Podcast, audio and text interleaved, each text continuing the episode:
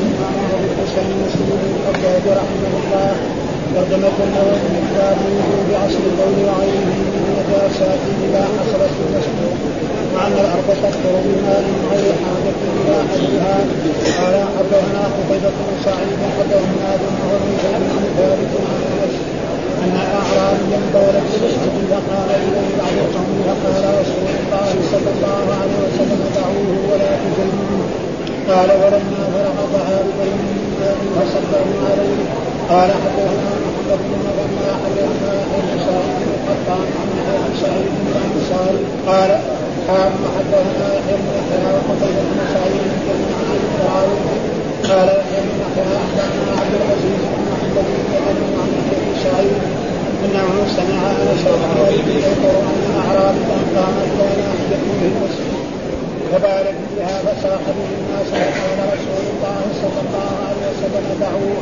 فلما فرغ أمر رسول الله صلى الله عليه وسلم بذنبه فصب على بوله قال حدثنا زهير بن حرب حدثنا عمر بن موسى حدثنا بن عمار قال حدثنا إسحاق بن ابي طلحه حدثنا أنس بن مالك وهو عم إسحاق قال إنما نحن في المسجد مع رسول الله صلى الله عليه وسلم.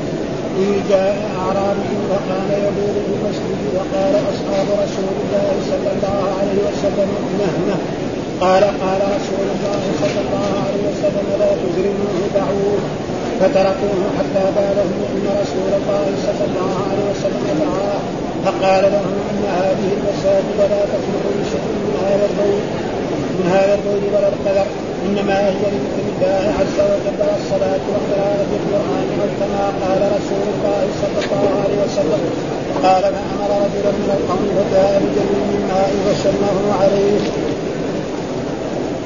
قال حدثنا أبو بكر بن ابي شيبه وابو قريب قال حدثنا عبد الله بن ابي حدثنا هشام عن أبي عن عائشة زوج النبي صلى الله عليه وسلم أن رسول الله صلى الله عليه وسلم كان يؤتى بالصبيان فيبرك فيبرك عليهم ويحملهم فأتي بصبي فبال عليه فدعا بماء فأتبعه بينه ولم يغسل قال وحدثنا زهير بن حرب حدثنا جرير عن هشام عن عن عائشه قالت يا رسول الله صلى الله عليه وسلم. بصبي يرضع فبال في قبره فدعا بماء فصبه عليه قال ما اخبرنا بهذا الاسناد مثل حديث ابن نمير وقال حدثنا محمد بن بن عامر اخبرنا بين عن عن عبيد الله بن عبد الله عن قيس بن محصن أنها أتت رسول الله صلى الله عليه وسلم بسم الله ولم ياكل الطعام فوضعته في حجره فبال قال ولم يزد على أن نضح بالماء قال وحدثنا يحيى بن يحيى وأبو بكر بن أبي شيبة وعمرو بن ناقد وزهير بن حرب جميعا عن ابن عيينة عن زهد بهذا الاسناد وقال فدعا بماء فرشه وحدثني حمله بن يحيى أخبرنا ابن وهب اخبرني ابن مسلم ان الاجتهاد اخبره قال أخبرني عبيد الله بن عبد الله بن عتبة بن مسعود أن أم قيس بنت محصن وكانت من المهاجرات الأول التي بايعن رسول الله صلى الله عليه وسلم وهي اخت عكاشة بن محصن أحد بني أسد بن خزيمة. قال أخبرتني انها اتت رسول الله صلى الله عليه وسلم جبريل لها رجل لم يبلغ أن ياكل الطعام قال عبيد الله اخبرتني أن ابن هذا كذلك يخبر رسول الله صلى الله عليه وسلم. فدعا رسول الله صلى الله عليه وسلم بمال فنضحه على بيته ولم يغسله غسلا. يكفى أعوذ بالله من الشيطان الرجيم. بسم الله الرحمن الرحيم. الحمد لله رب العالمين والصلاة والسلام على سيدنا ونبينا محمد وعلى آله وصحبه وسلم أجمعين. قال الإمام الحافظ أبو الحسين مسلم بن الحجاج القشيري النيسابوري رحمه الله تعالى والترجمه الذي ترجمها باب وجوب غسل البول وغيره من النجاسات إذا حصلت في المسجد وأن الأرض تطهر بالماء من غير حاجة إلى حفلها فهذا فيه دليل أول شيء على أن البول نجس. أمر الرسول صلى الله عليه وسلم بغسل البول ويصب الماء عليه الكثير هذا دليل على أن البول إيه؟ نجس فهذا أول شيء. وكذلك النجاسات الغائط يكون من باب أولى وأحرى. المذي كمان يمكن نقول كذلك. نعم. وكذلك الدم. من الجبال وغيرها. فبده يبين غيرها الآن. فكذلك البول لا فرق بين بول الكبير والصغير. ولا ولا فرق بين بول الذكر والأنثى. ولا فرق بين الصبي الذي يأكل الطعام والذي لا يأكل الطعام. إنما بس يعني الرسول خفف في قول إيه؟ الصبي الذي لا يأكل.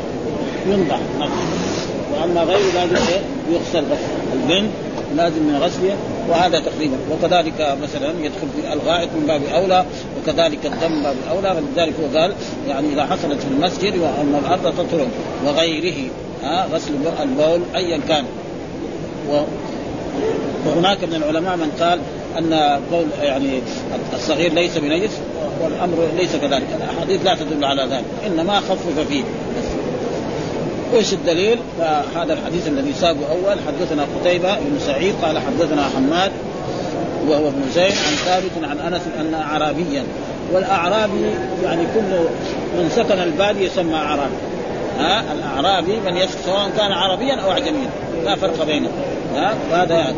أما اللي في المدن هذا يسمى متحرف أو حاضر إذا بال أن اعرابيا بال في المسجد فقام إليه بعض القوم فقال رسول الله صلى الله عليه وسلم دعوه ولا تزرموه فلما فرغ دعا بذنب من ماء فصبه عليه.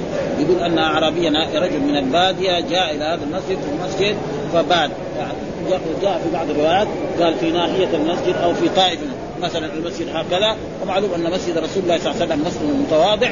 ليس فيه فرش وليس وهو أهل البلد فظن إنه ما في شيء. لأنه في البلد لما يكون يعني يبعد عن خيمته كذا ويجي ولا عند الخيمة حقته ها؟ لأنه رجل آه. ها؟ فقام إليه بعض القوم يعني خاصموه. لا تفعل هذا هذا مسجد وهذا كذا وهذا. ها؟ فقال بعض القوم فقال رسول الله دعوه يعني اتركوه. ها؟ ليه؟ لأنه في فوائد. اولا اذا إذا قام بدل ما كان البول في هذا المكان يصير البول في مكان عدة أمكنة. هذا ثانيا كذلك قد يتضرر. يصاب بمرض.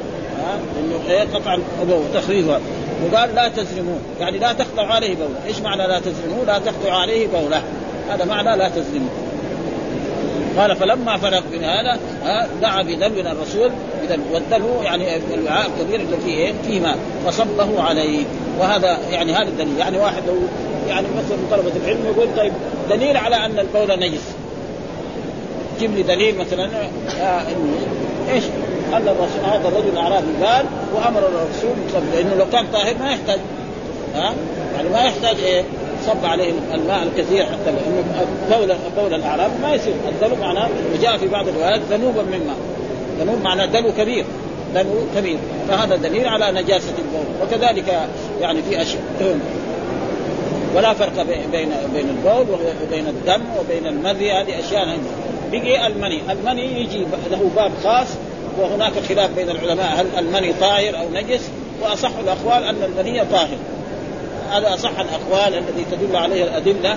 وسيأتي هناك ها فصبه عليه فهذا دليل على إيه؟ على نجاسة البول وأن البول اي بول كان فهو هذا آه ثم ذكر قال حدثنا محمد بن مسنى وحدثنا يحيى بن سعيد القطان عن يحيى بن سعيد الأنصاري حول الإسناد قال حدثنا يحيى بن يحيى وقتيبة بن سعيد جميعا عن الدراوردي قال يحيى بن يحيى أخبرنا عبد العزيز بن محمد المدني عن يحيى بن سعيد أنه سمع أنس بن مالك يذكر أن اعرابيا قام إلى ناحية والنائحه والطائفة بمعنى واحد. طائفة المسجد يعني جهة من الجهات في إيه؟ في مسجد رسول الله صلى الله عليه وسلم فقال فيها فصاح به الناس. ها؟ يعني خاصموه فقال الرسول دعوه. يعني اتركوها. فلما فرغ أمر رسول الله صلى الله عليه وسلم بذنوب، إيش الذنوب؟ الدلو المملوء ماء. ها؟ إذا كان الدلو فارغ يسمى دلو، إذا كان ذنوب إذا كان فيه إيه؟ يعني دلو فيه ماء، هذا اصطلاح علمي يعني. ها؟ إذا قيل ذنوب المراد دلو مملوء ماء. أما الدلو لحاله قد يكون فيه ماء وقد يكون لا ليس فيه. فلو كان ما فيه ماء برضه يسمى دلو. لو كان ما فيه ماء يسمى دلو. ها؟ فصب على بول. يعني الرسول هو الذي إيه؟ قام يصلي أو فصب على بول. كل زائد ها؟ هنا الأحاديث بالبنان المعلوم فصب. يعني مين الصاب الرسول صلى الله عليه وسلم على بوله وهذا فيه دليل على نجاسة إيه؟ البول. ثم ذكر حدثنا زهير بن حرب حدثنا عمرو بن يونس الحنفي حدثنا عكرمة بن عمار حدثنا إسحاق بن أبي طلحة. حدثني أنس وهو إسحاق بن أبي طلحة هذا أخ لأنس من الأم. ها لأن والده أبي طلحة وأبي طلحة كان عم أنس تزوج أمه أم سليم. وهو عم إسحاق. ها أنس عم قال بينما نحن في المسجد مع رسول الله صلى الله عليه وسلم إذ جاءه أعرابي فقام يبول في إيه؟ في المسجد. المراد به المسجد مسجد رسول الله. فقال أصحاب رسول الله مه مه. يعني ما هذا ما هذا. ها؟ يعني اسم إيه؟ يعني ما ينبغي لك هذا. مه مه. يعني ما هذا. لا تزرموه يعني إيه؟ لا تقطعوا عليه بولا فدعوه فاتركوه. دعوه فاتركوه. فدعوه حتى مال. ثم إن رسول الله صلى الله عليه وسلم دعاه فقال إن هذه المساجد لا تصلح لشيء من هذا البول. المساجد لا تصلح الواحد يبول يبول في الصحراء أو يبول في مكان معد ولا القدر الاوساخ ها؟ إنما هي لذكر الله. ها؟ يذكر الله فيها بقراءة القرآن أو الدعاء أو الاستغفار والصلاة وقراءة القرآن أو كما قال رسول الله صلى الله عليه وسلم. ها؟ يعني المساجد لا تصلح الواحد يبول فيها أبدا. وهذا لازم المساجد يعني نحى من هذه الأشياء فجاء بدلو من ماء فشنه عليه. شنه عليه معناه صبه. ونقرأ الشيء الذي قاله آه الإمام النووي قال في حديث أنس أن اعرابيا بال في المسجد فقام إليه بعض القوم فقال رسوله آه لا تزرموه فلما فرغ دعا بدلو من ماء فصبوا عليه. في الرواية الأخرى فصاح به الناس فقال رسول الله دعوه. فلما فرغ أمر رسول الله صلى الله عليه وسلم بذنوب فصب عليه على بوله الأعرابي هو الذي يسكن البادية وقوله صلى الله عليه وسلم لا تزرموه بضم التاء وإسكان الزاي بعدها راء لا, لا تقطعوا لا تقطعوا. والإزرام القطع وأما الدلو ففيه لغتان التذكير يعني يقول هذه دلو وهذا دلو. هذا معناه ها يعني مؤنث مجازي. والمؤنث المجازي له أن تذكره ولا تقول هذا دلو. أو صببت هذا الدلو. أو صببت هذه الدلو. ها لأنه مؤنث مجازي. وفرق بين المؤنث والمؤنث.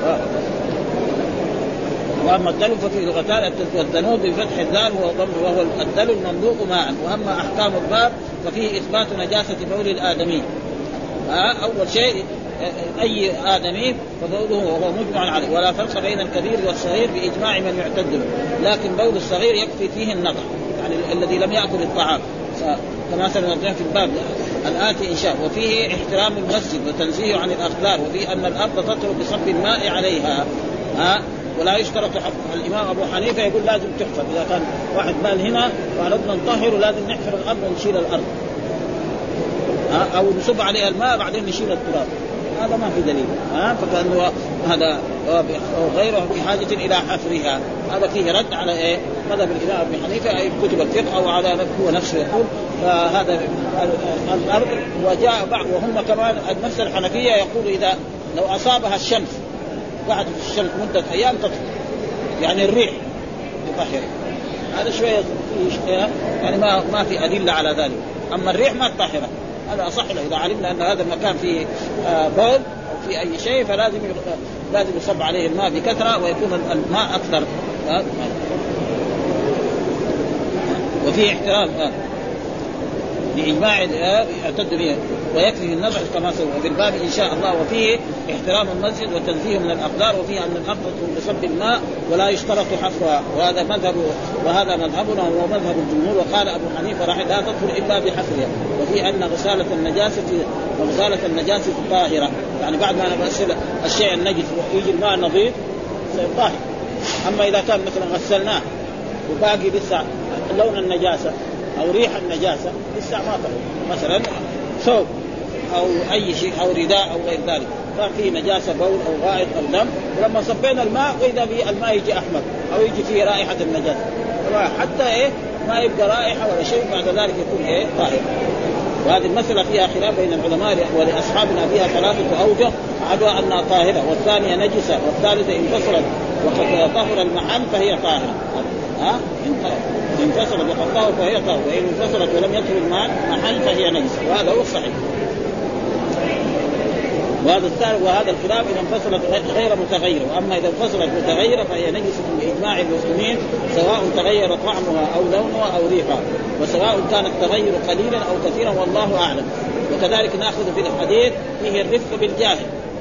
الإنسان الجاهل إذا عمل شيء لا يليق يعني ما ما نوقفه طريق نقابلكم مثل ما قابل رسول الله صلى الله عليه وسلم هذا الأعرابي فقال له إن هذا هذه المساجد لا يصلح فيها يعني إلا القرآن وذكر الله تعالى والصلاة وغير ذلك.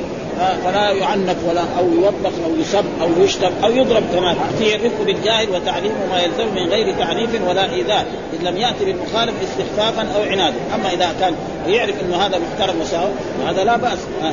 وفيه دفع أعظم الضررين باحتمال اخفهما لأن البول في المسجد ما يصح لكن لو أصيب بمرض أيهما أشد؟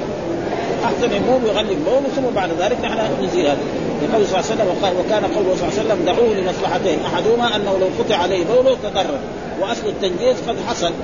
خلاص ها؟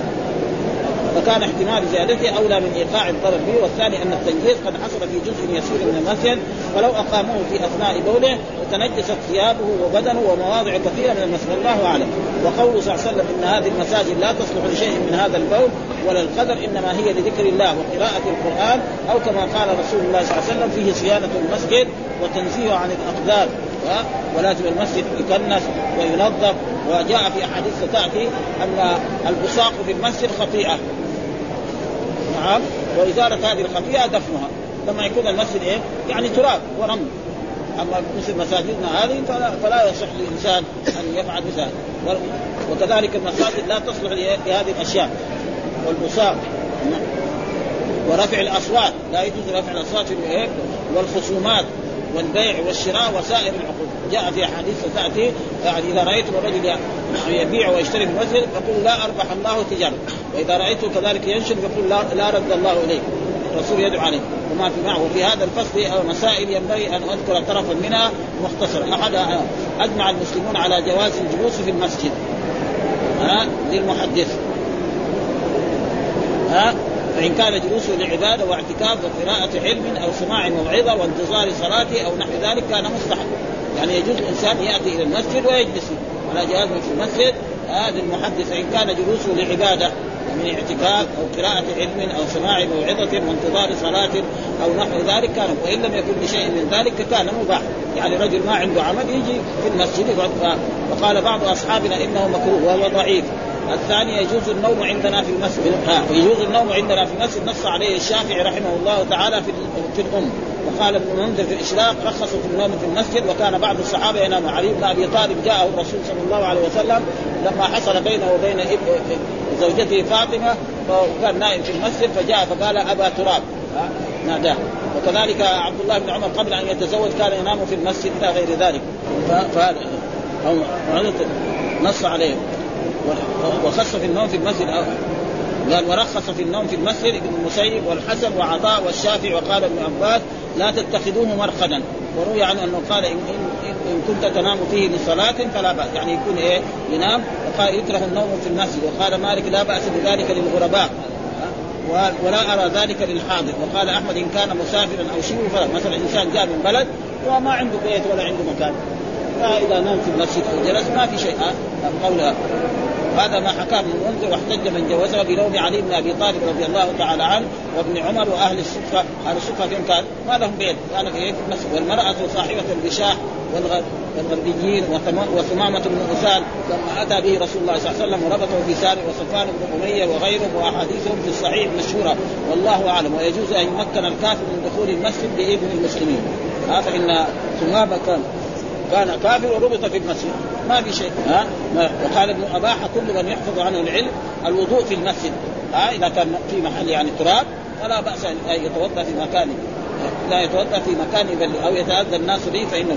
ونقل الإمام الحسن ابن بطال عن ابن عمر وابن عباس وعطاء وطاووس والحنفي وابن القاسم والمالكي أكثر أهل العلم وعن ابن سيرين ومالك وسحمون انهم كرهوا كرهوه تنزيها للمسجد. والله أعلم.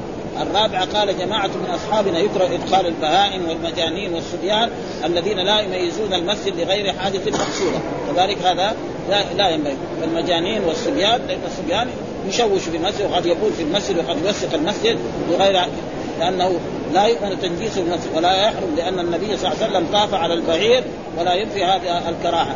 لأن الرسول طاف على البعير ثابت في إيه؟ في حديث عن رسول الله صلى الله عليه وسلم فعل ذلك بيانا للجواز. أو ليظهر ليقتدى به صلى الله عليه وسلم، الخامسة يحرم إدخال النجاسة إلى المسجد وأما من على بدنه نجاسة فإن خاف تنجيس المسجد لم يجوز له الدخول، فإن أمن ذلك جاز، ولذلك المرأة الحائض نهى رسول الله صلى الله عليه وسلم أن تدخل المسجد الحرام وقال لا افعل ما يفعل الحجاج غير أنك لا تطوفي لأن إذا دخلت المسجد الحرام ولو ما تبغى تطوف قد تلوث المسجد فهي ممنوعة من جميع المساجد. إلى غير ذلك. فإن خافت لم يجد له الدخول فإن أمن ذلك جاز وأما إذا اقتصر في المسجد فإن كان في غير إناء فحرام. اما إذا اقتصد في المسجد اقتصد يعني ساوى فساد في المسجد وهو يعني تشريف يعني ها اقتصد في المسجد فإن كان في غير إناء فحرام. وإن قطر دم في إناء فمكروه وإن بال في المسجد في إناء ففيه وجال ها كذلك ما ينبغي ها وصحهم أنه حرام. والثاني مكروه الثالث يجوز الاستلقاء في المسجد وهو وهز الرجل يعني الاستلقاء يجلس كده ويحط رجله رجله على الرجل. ينام كده ويحط رجل على رجل. إيه، ما في شيء ها؟ وكذلك تشبيك الأصابع. ها؟ تشبيك الأصابع كذلك كده. ها؟ إذا شبك الأصابع وهناك حديث مرة بعض الناس يذكرون آه إن تشبيك الأصابع لا يجوز. إذا أتيتم الصلاة فامشوا وعليكم السكينة ولا يشبكن بين اصابع ولكن مر علينا في صحيح البخاري أن تشبيك الأصابع في المسجد جائز واستدل الإمام البخاري رحمه الله تعالى لأن الرسول قال المؤمن بالمؤمن كالبنيان ويشبك بعضه بعضا وشبك بين اصابعه معناه هذا كان فين؟ في مكان العلم يعني يعني هو من استنباطه انه في مكان العلم، مكان العلم فين؟ في المسجد فشبك الرسول بين اصابعه وهناك قرأنا كتاب كتاب يدرس في المدارس الابتدائية يسمى يعني آه، آه، آداب المشي إلى الصلاة. ابتدائي. ها وفيها في أول ما ابتدأ هو الشيخ محمد عبد الوهاب أنه لا يشبك بين اصابعه يدعو بها يقول يمكن أو ضل أو اذن أو اذن أو يجل ويجل عليه. بعد ذلك قال ولا يشبكن به فإنه في صلاة. لكن الإمام البخاري هذا متذكر تمام. إن التشبيك بين الأصابع واستدل بهذه الأحاديث. وكذلك الرسول لما صلى آه صلى إحدى الصلاه العشي وقام إلى خشبة معلقة في المسجد وشبك بين أصابعه. كذا جاب هذول الحديثين عشان يثبت انه تشبيك الأصابع في المسجد ما وكثير يعني من طلبة العلم اراهم يعني ينكرون لأنه هذا في البخاري. وهذاك الأحاديث ما ما ما ما أذكر في هو الشيخ ذكرها كذا. كان بعض فما في شيء يعني. انه ما كذا سوا ما ما في شيء. في الصلاة يمكن يعني في داخل الصلاة. يمكن. أما إذا جالس في المسجد وفعل مثل هذا واستدل بهذا. إن الرسول لما صلى صلاة آه وقام إلى خشب معلقة وشبك بين أصابعه. آه ولذلك دحين قال وتشبيك الأصابع الاحاديث الصحيحة المشهوره في ذلك من فعل رسول الله صلى الله عليه وسلم. السادس يستحب استحبابا متاكدا تنسى المسجد وتنظيفه للأحاديث الصحيحة. الصحيحه يعني كانت مرأة تكنس مسجد رسول الله صلى الله عليه وسلم فماتت فدفنوها ليلا. فقال الرسول لماذا ما أخبر؟ الرسول يروح في مرأة. آه فقالوا أروني قبرها فذهب إلى قبرها وصلى عليها الاحاديث المشهورة. قال أصحابه مه مه. وهي كلمة زجر ويقال به به. ها به به ومه مه قال العلماء هو اسم مبني على السكون. معناه اسكت. وقال صاحب المضارع هي كلمة قيل أصلها ما هذا. يعني ما ينبغي لك تقول في في المسجد. هذا وكذلك بخ بخ. ها بخ بخ أو بخ بخ. موجود قال الرسول لما أبو طلحة قال يعني لن تنالوا البر حتى تنفقوا ما تحبون. قال يا رسول الله إن انفس مالي هو بير حاء فجعله فأمر أن يقسمه في الأقربين فقال بخ بخ هذا مال الرابح أو هذا كان مال الرابح مال الرابح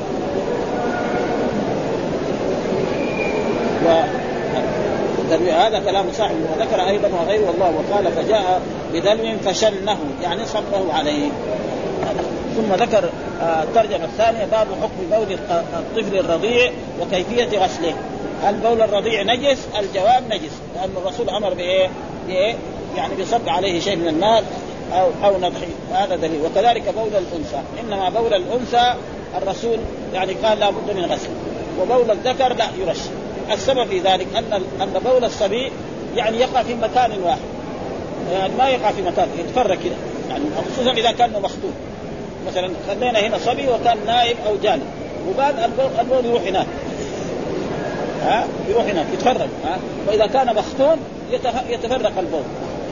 فيصير النجاسه يعني الجارية تكون في مكان واحد.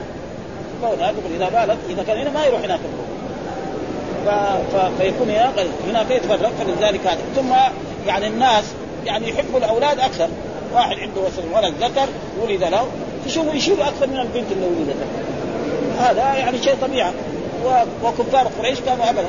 وإذا بشر أحد بالانثى ظل وجهه مسودا وهو طبيب. وهذا من سماحة الإسلام أن القول الذكر يعني ينضح يكفي النضح وسببه إنه يتفرق ولذلك وعلى كل حال دليل على أن البول سواء للذكر أو للأنثى أو للكبير أو للصغير نجيس. إنما في بول الصبي خفف بأن إيه يرش وينضح. والجارية يغسل. هذا معناه تقريبا. إيش الدليل؟ قال حدثنا أبو بكر بن أبي شيبة وأبو كريب قال حدثنا عبد الله بن نمير حدثنا هشام عن أبيه عن عائشة زوج النبي صلى الله عليه وسلم أن رسول الله صلى الله عليه وسلم كان يؤتى بالصبيان فيبرك عليهم. ومعنى يبرك عليهم يعني يثبت لهم إيه البركة. قال يعني إيه بركه يعني ثبوت ثبوت الخير لهم. ثبوت الخير والرسول يدعو لهم. ثبوت الخير والدعاء لهم. وكان الرسول يؤتى فيبرك عليهم ويحنكهم. والتحنيك معناه أن الكبير يأخذ تمر ويمضغه في فمه حتى يصير لين جدا أو يصير خفيف جدا يحطه في إيه؟ في فم الصبي ها؟ فيصير الصبي كذا يحرك فمه. ويصير أول. وقد حصل ذلك أن حديث عن أنس بن مالك لما ولدت أمه لعمه أبي طلحة ولدا فقال قال أبو طلحة أو قالت أم سليم خذ هذا الصبي اسمه عبد الله واذهب إلى رسول الله صلى الله عليه وسلم ليحنكه. فأتى به وأخذ الرسول قال له معك تمرات؟ قال نعم. فأخذ التمرات ومضغها الرسول صلى الله عليه وسلم حتى صارت لينه ثم وضعها في فمه. فحرك الصبي فمه. كذا سوى ها؟ فقال هذا أنصاري. عدو الانصار يعرف التمر. ها؟ أعظم تمر في المدينة تمر. لكن واحد غيره يمكن ما, ما يعرف التمر. ها؟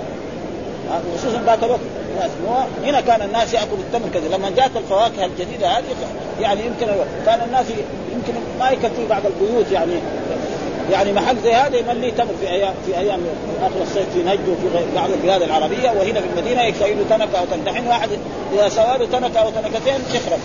ما حد يأكلها. إنه في عنب وفي برتقال وفي هذه الأشياء فالناس ابدا. واذا الناس الضعاف ابدا. ها؟ فالرسول يعني كان هذا يحنكم وهذه كان من عادة رسول الله صلى الله عليه وسلم وأصحاب رسول الله كانوا يفعلون ذلك. ومحل شاهد فيبرك عليه ويحنكه. فأتي بصبي. نعم. فبال عليه. يعني فبال بحجره وضعه هكذا الرسول. هذا هو الحجر. فبال عليه. ف... ف... قال فأتبعه بوله قال فبال عليه فدعا بماء فأتبعه بوله. فدعا بماء يعني أخذ ورشه. ولم يغسله لأنه لو غسل لازم يأخذ المحل ويحط كذا ويصب عليه ماء ثم يغسل. الرسول ما فعل ذلك فهذا دليل على أن بول الصغير يعني يرش وجاء في حديث ينضح. وعلى كل حال هذا دليل على نجاسة. ولم يغسله وقال حدثنا زهير بن حرب حدثنا جرير عن هشام عن ابي عن عائشة قالت أتي رسول الله صلى الله عليه وسلم بصبي يرضع فبال بحجره فدعا بماء فصبه عليه. هنا صبه يعني بمعنى رشه على كل أو نضح. وحدثنا إسحاق بن إبراهيم أخبرنا عيسى قال حدثنا هشام بهذا الإسناد مثل حديث ابن نمير. وحدثنا محمد بن رمح بن المهاجر أخبرنا الليث عن ابن شهاب عن عبيد الله بن عبد الله عن أم قيس. بنت محصن أنها أتت رسول الله صلى الله عليه وسلم بابن الله لم يأكل الطعام فوضعته في حجره فبال فبال قال فلم يزد على أن نضح بالماء. وهذه أم قيس تقول اخته إيه؟ عكاشة بن محصن. أخت إيه؟ عكاشة بن محصن الصحابي الجليل الذي لما قال الرسول صلى الله عليه وسلم إن يعني سبعين ألف من أمتي يدخلون الجنة بغير حساب قال ادعو الله أن يجعلني منهم. فقال أنت منهم. فلا نجد وحدثنا يحيى بن يحيى وأبو بكر بن أبي شيبة وعمر وعمر الناقد وزهير بن حرب جميعا عن ابن عيينة عن الزهري بهذا الإسناد قال فدعا بماء فرش ورش بمعنى نضح. وحدثني حرملة بن يحيى أخبرنا ابن وهب اخبرني يونس بن يزيد قال إن ابن شهاب أخبره قال أخبرني عبيد الله بن عبد الله بن عتبه بن مسعود أن أم قيس بنت محسن كانت من المهاجرات الأول اللاتي بايعن رسول الله صلى الله عليه وسلم وهي أخت عكاشه بن محسن أحد بني أسد بن خزيمة. قال أخبرتني أن أتت رسول الله صلى الله عليه وسلم بابن الله لم يبلغ أن يأكل الطعام يعني كان إيه رضيع. قال عبيد الله أخبرتني أن ذاك بال في حجر رسول الله والحجر مع بين الفختين هذا. هذا يسمى حجر يعني رسول الله صلى الله عليه وسلم فدعا رسول الله بماء فنضعه على ثوبه ولم يغسله غسلا. وهذا هو. البنت يأتي أنه يغسل من بول الجارية. الظاهر يجيب هذا أو يعني ما هي على شرطه هذا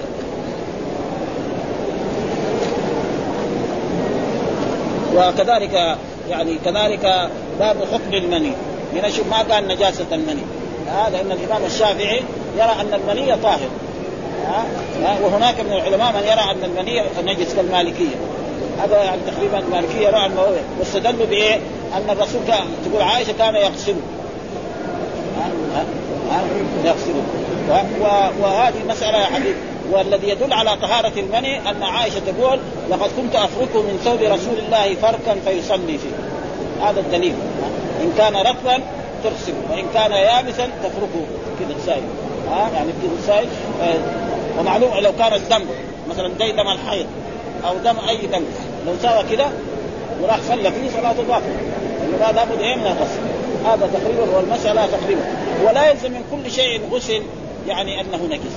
آه جاء في أحاديث يمكن ما هي على شرط البخاري في السنن موجوده إنما هو كالمخاط والبزاق. وهذا أكبر دليل يدل على إيه؟ على طهارة إيه؟ آه المني آه قال إنما هو كالبزاق معلومة البزاق والبساط ما هو نجس لكن درس ما حد يرضى آه واحد لو كان في بزاق في ثوبه ما يرضى الناس يشوفوا وكذلك المني حقه لو وضع في سروال وماشي في الشارع ويشوفون الناس يتبازغوا به. إيش هذا؟ وإلا هو أصح الأقوال أنه طاهر. والأدلة الذي قالوا بطهارته هم أسعد دليلا من هذا. ولذلك مثلا لقد كنت أفركه من ثوب رسول الله. عائشة تقول. لقد كنت أفركه من ثوب رسول الله صلى الله عليه وسلم فيصلي فيه هذا تقريبا دليل على طهارته.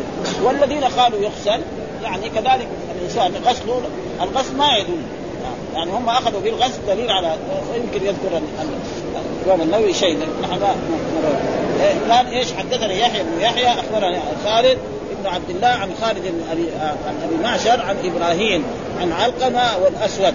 هذول تلاميذ عبد الله بن مسعود أن رجلا نزل بعائشة فأصبح يغسل ثوبه. نزل يعني يكون قريب لا نزل بعائشه فأصبح يغسل فقالت عائشة إنما كان يجزئك إن رأيت أن تغسل مكانه فإن لم ترى نضحت حوله. يعني كان يغسل الثوب كله الثوب اللي جاء فيه المني راح كله غسل من أوله إلى آخره. آه إنما كان يجزئك إن رأيت أن تغسل مكانه فإن لم ترى نضحت حوله. ولقد رأيتني افركه من ثوب رسول الله صلى الله عليه وسلم فركا والفرك معناه كده. ها آه باظفارها كده زي كده؟ هذا فيجوز إذا كان يابس. وإذا كان رطبا تغسله وهذا دليل على إيه؟ على العلماء الذين قالوا بنجاة بطهارة إيه؟ المني. وحدثنا عمرو بن حفص بن غياث حدثنا أبي عن الأعمش عن إبراهيم عن الأسود وهمام عن عائشة في المني قالت كنت أفركه من ثوب رسول الله صلى الله عليه وسلم هذه أحاديث تدل على طهارته حدثنا قتيبة بن سعيد حدثنا حماد يعني بن زيد عن هشام بن حسان وحدثني إسحاق بن إبراهيم أخبرنا عبد بن سليمان حدثنا ابن أبي عروبة جميعا أبي شر أبي معشر حدثنا أبو بكر بن أبي شيبة حدثنا هشيم عن مغيرة حدثني محمد بن حاتم حدثنا عبد الرحمن بن مهدي عن مهدي بن ميمون عن واصل الأحدب وحدثني ابن أبي حاتم حدثنا إسحاق بن منصور حدثنا إسرائيل عن منصور وغيره كل هؤلاء عن إبراهيم عن الأسود عن عائشة في حد المني من ثوب رسول الله صلى الله عليه وسلم. ها من ثوب رسول الله صلى الله عليه وسلم.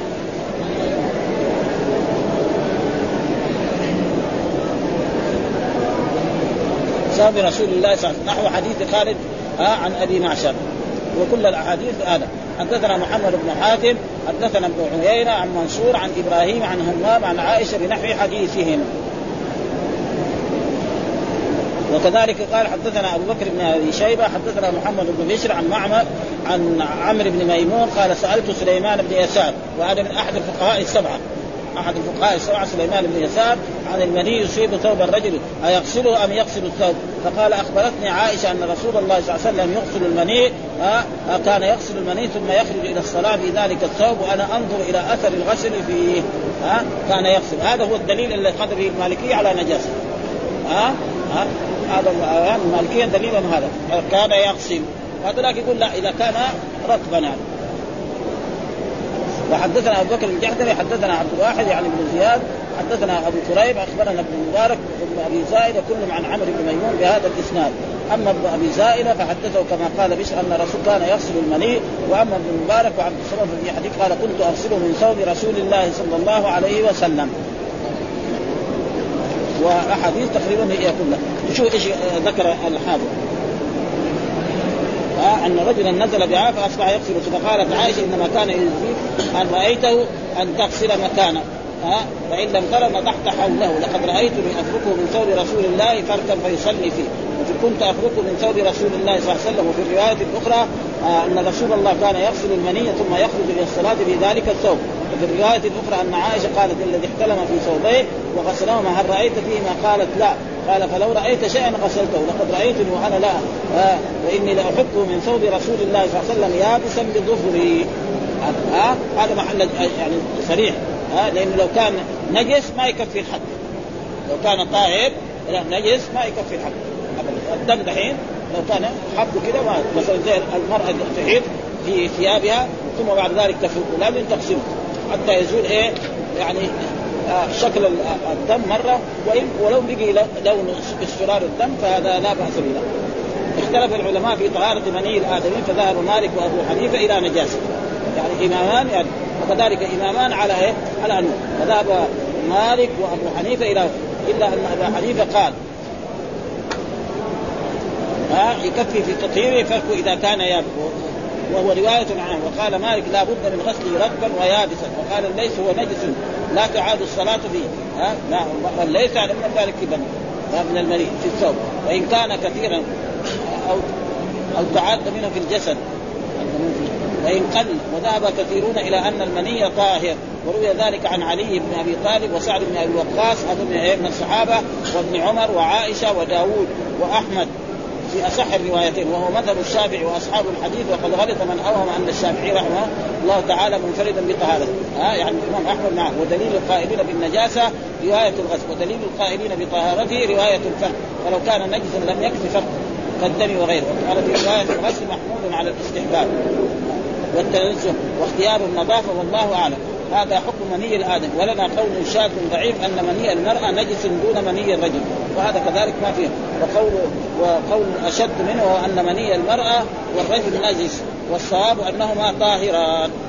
وهل يحل أكل الم... وهل يحل أكل المني الطاهر فيه؟ ها؟ ها؟ ها؟ وقال أكثر ما لا يحل لأنه مستقدر. ها فهو داخل في جملة الخبائث المحرمة علينا. وأما مني باقي الحيوانات غير الآدمي فمنها الكلب والخنزير والمتولد من أحدهما وحيوان طاهر ها طاهر ومنيها نجس ها وكل يعني الحيوانات التي يؤكل لحمها منيها طاهر ها زي الإبل وزي الخلفان والضأن والمعز وهذا يعني تقريبا. واما مني غير الآدمي فمنها الكلب والخنزير والمتولد من أحدهما وحيوان طاهر ومنيها نجس بلا خلاف بلا وأما ما عداه من الحيوانات في في مني ثلاث أصح أنها كلها طاهرة من مأكول اللحم وغيره. ها والثاني أنها نجسة والثالث مني ما يؤكل اللحم طاهر. وهذا ثابت إيه؟ يعني الرسول صلى الله عليه وسلم كان يخطب في منى وكان لعاب لعاب الناقة حقته يطيح على الصحابي رضي الله تعالى عنه. وهذا دليل على انه اللعاب كل حيوان وكذلك روثه ها روثه وبوله طاهر. والإمام الشافعي لا يقول لا البول نجس كل بول.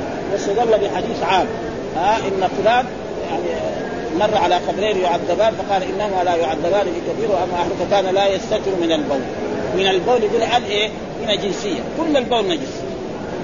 وهناك أحاديث أخرى أن الرسول الذين اجتاحوا المدينة قال اذهبوا إلى إبل الصدقة فاشربوا من أبوالها وألبانها. اشربوا من أبوالها وألبانها. فدليل إيه؟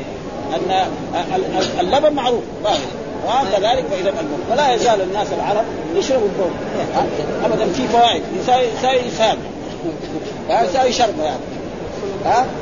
زي بول البقر. زي بول هذا ابدا. فهو حكم حكم الله وعلى كل حال مسألة فرعية وهذا تقريبا يعني ما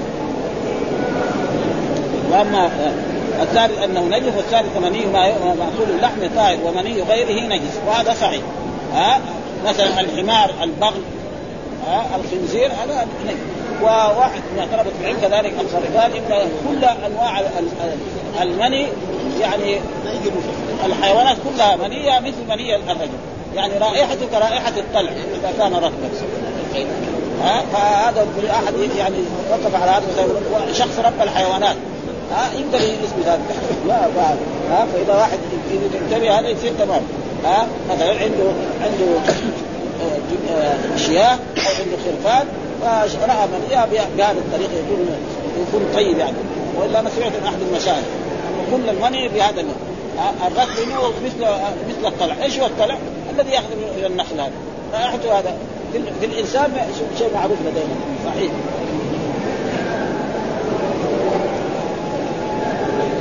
وأما ألفاظ الباب ففيه خالد بن عبد الله عن خالد بن ابي معشر واسمه زياد بن كليب التميمي التميمي والحنظل الكوفي. وأما خالد الأول فهو الواسط الطحان وأما خالد الثاني يعني كم خالد في في الرياض وهو الحداء وهو خالد بن مهران وأبو المناكب بضم الميم والبصر وفيه قولان. كان وبضم الياء. وبالهمزة أحمد بن جواس وهو بجيم مفتوحة ثم واو مشدد ثم ألف ثم سين. هنا وفيه قول فلو رأيت شيئا غسلته هو استفهام انكار آه يعني إذا غسلته ولو ولو رأيت شيئا أغسلته كذا يعني كان. هو استفهام انكار حذفت منها تقديره أكنت غاسله؟ معتقد وجوب غسله وكيف تفعل هذا؟ وقد كنت احكه من ثوب رسول الله صلى الله عليه وسلم يابسا من ظفره ولو كان نجزا لم يتركه النبي صلى الله عليه وسلم ولم يكتب بحقه والله. وقد استدل جماعة من العلماء بهذا الحديث على طهارة ركوبه رطوبة فرج المرأة وفيه خلاف مشهور عندنا. وعند غيرنا والأظهر طهارتها. وتعلق المحتجون بهذا الحديث بأن قالوا الاحتلام مستحيل في حق النبي صلى الله عليه وسلم لأنه من تلاعب الشيطان بالنار فلا يكون المني الذي على ثوبه صلى الله عليه وسلم إلا من جماع ويلزم من ذلك مرور المني على موضع أصاب رطوبة الفرج ولو كانت الرطوبة نجسة تنجس بها المني. ولما تركه في ثوبه ولو اكتفى بالفرق واجاب القائلون بنجاسة رطوبة فرج المرأة بجوابين أحدهما جواب بعضهم أنه يمتنع استحالة الاحتلام من ساعته وكونها من تلاعب الشيطان بلا احتلام منه جائز. يعني يمكن يخرج. وليس هو من تلاعب الشيطان بل هو فيض فيض زيادة المني. يخرج في وقت والثاني أنه يجوز أن يكون ذلك المني حصلا من مقدمات الجماع فسقط منه شيء على الثوب. وأما المتلطف بالرطوبة فلم يكن على وعلى كل حال يعني هذه مسائل علمية وكل والمسائل العلمية فيها خلاف بين الأئمة لا تضر. يعني لا يوجد بين الأئمة خلاف في الأصول. ابدا. ما مسائل فرعية فيها. أما مسائل الرسول يحترم مثلنا؟ لا ما يحترم. لا, لا ما يحترم الحد يجي المني لا لا المني الرسول يجامع. آه طيب. اما احترام لا. الرسول لا يحترم لأن الاحترام من الشيطان. جزاك الله. ها؟ يعني ها؟ يعني الاحترام لا لا يمكن لرسول الله صلى الله عليه وسلم. اتصال للجنس جامع وعنده إيه قوة يقول ثلاثين رجلا؟ مر على نسائه التسع في إيه؟ لما حج حجة الوداع في إيه؟ في هذا في غسل واحد أو لا؟ ها؟ غسل واحد. غسل واحد كمان. جزاك الله خير. ابدا. ابدا. شيء يعني ها؟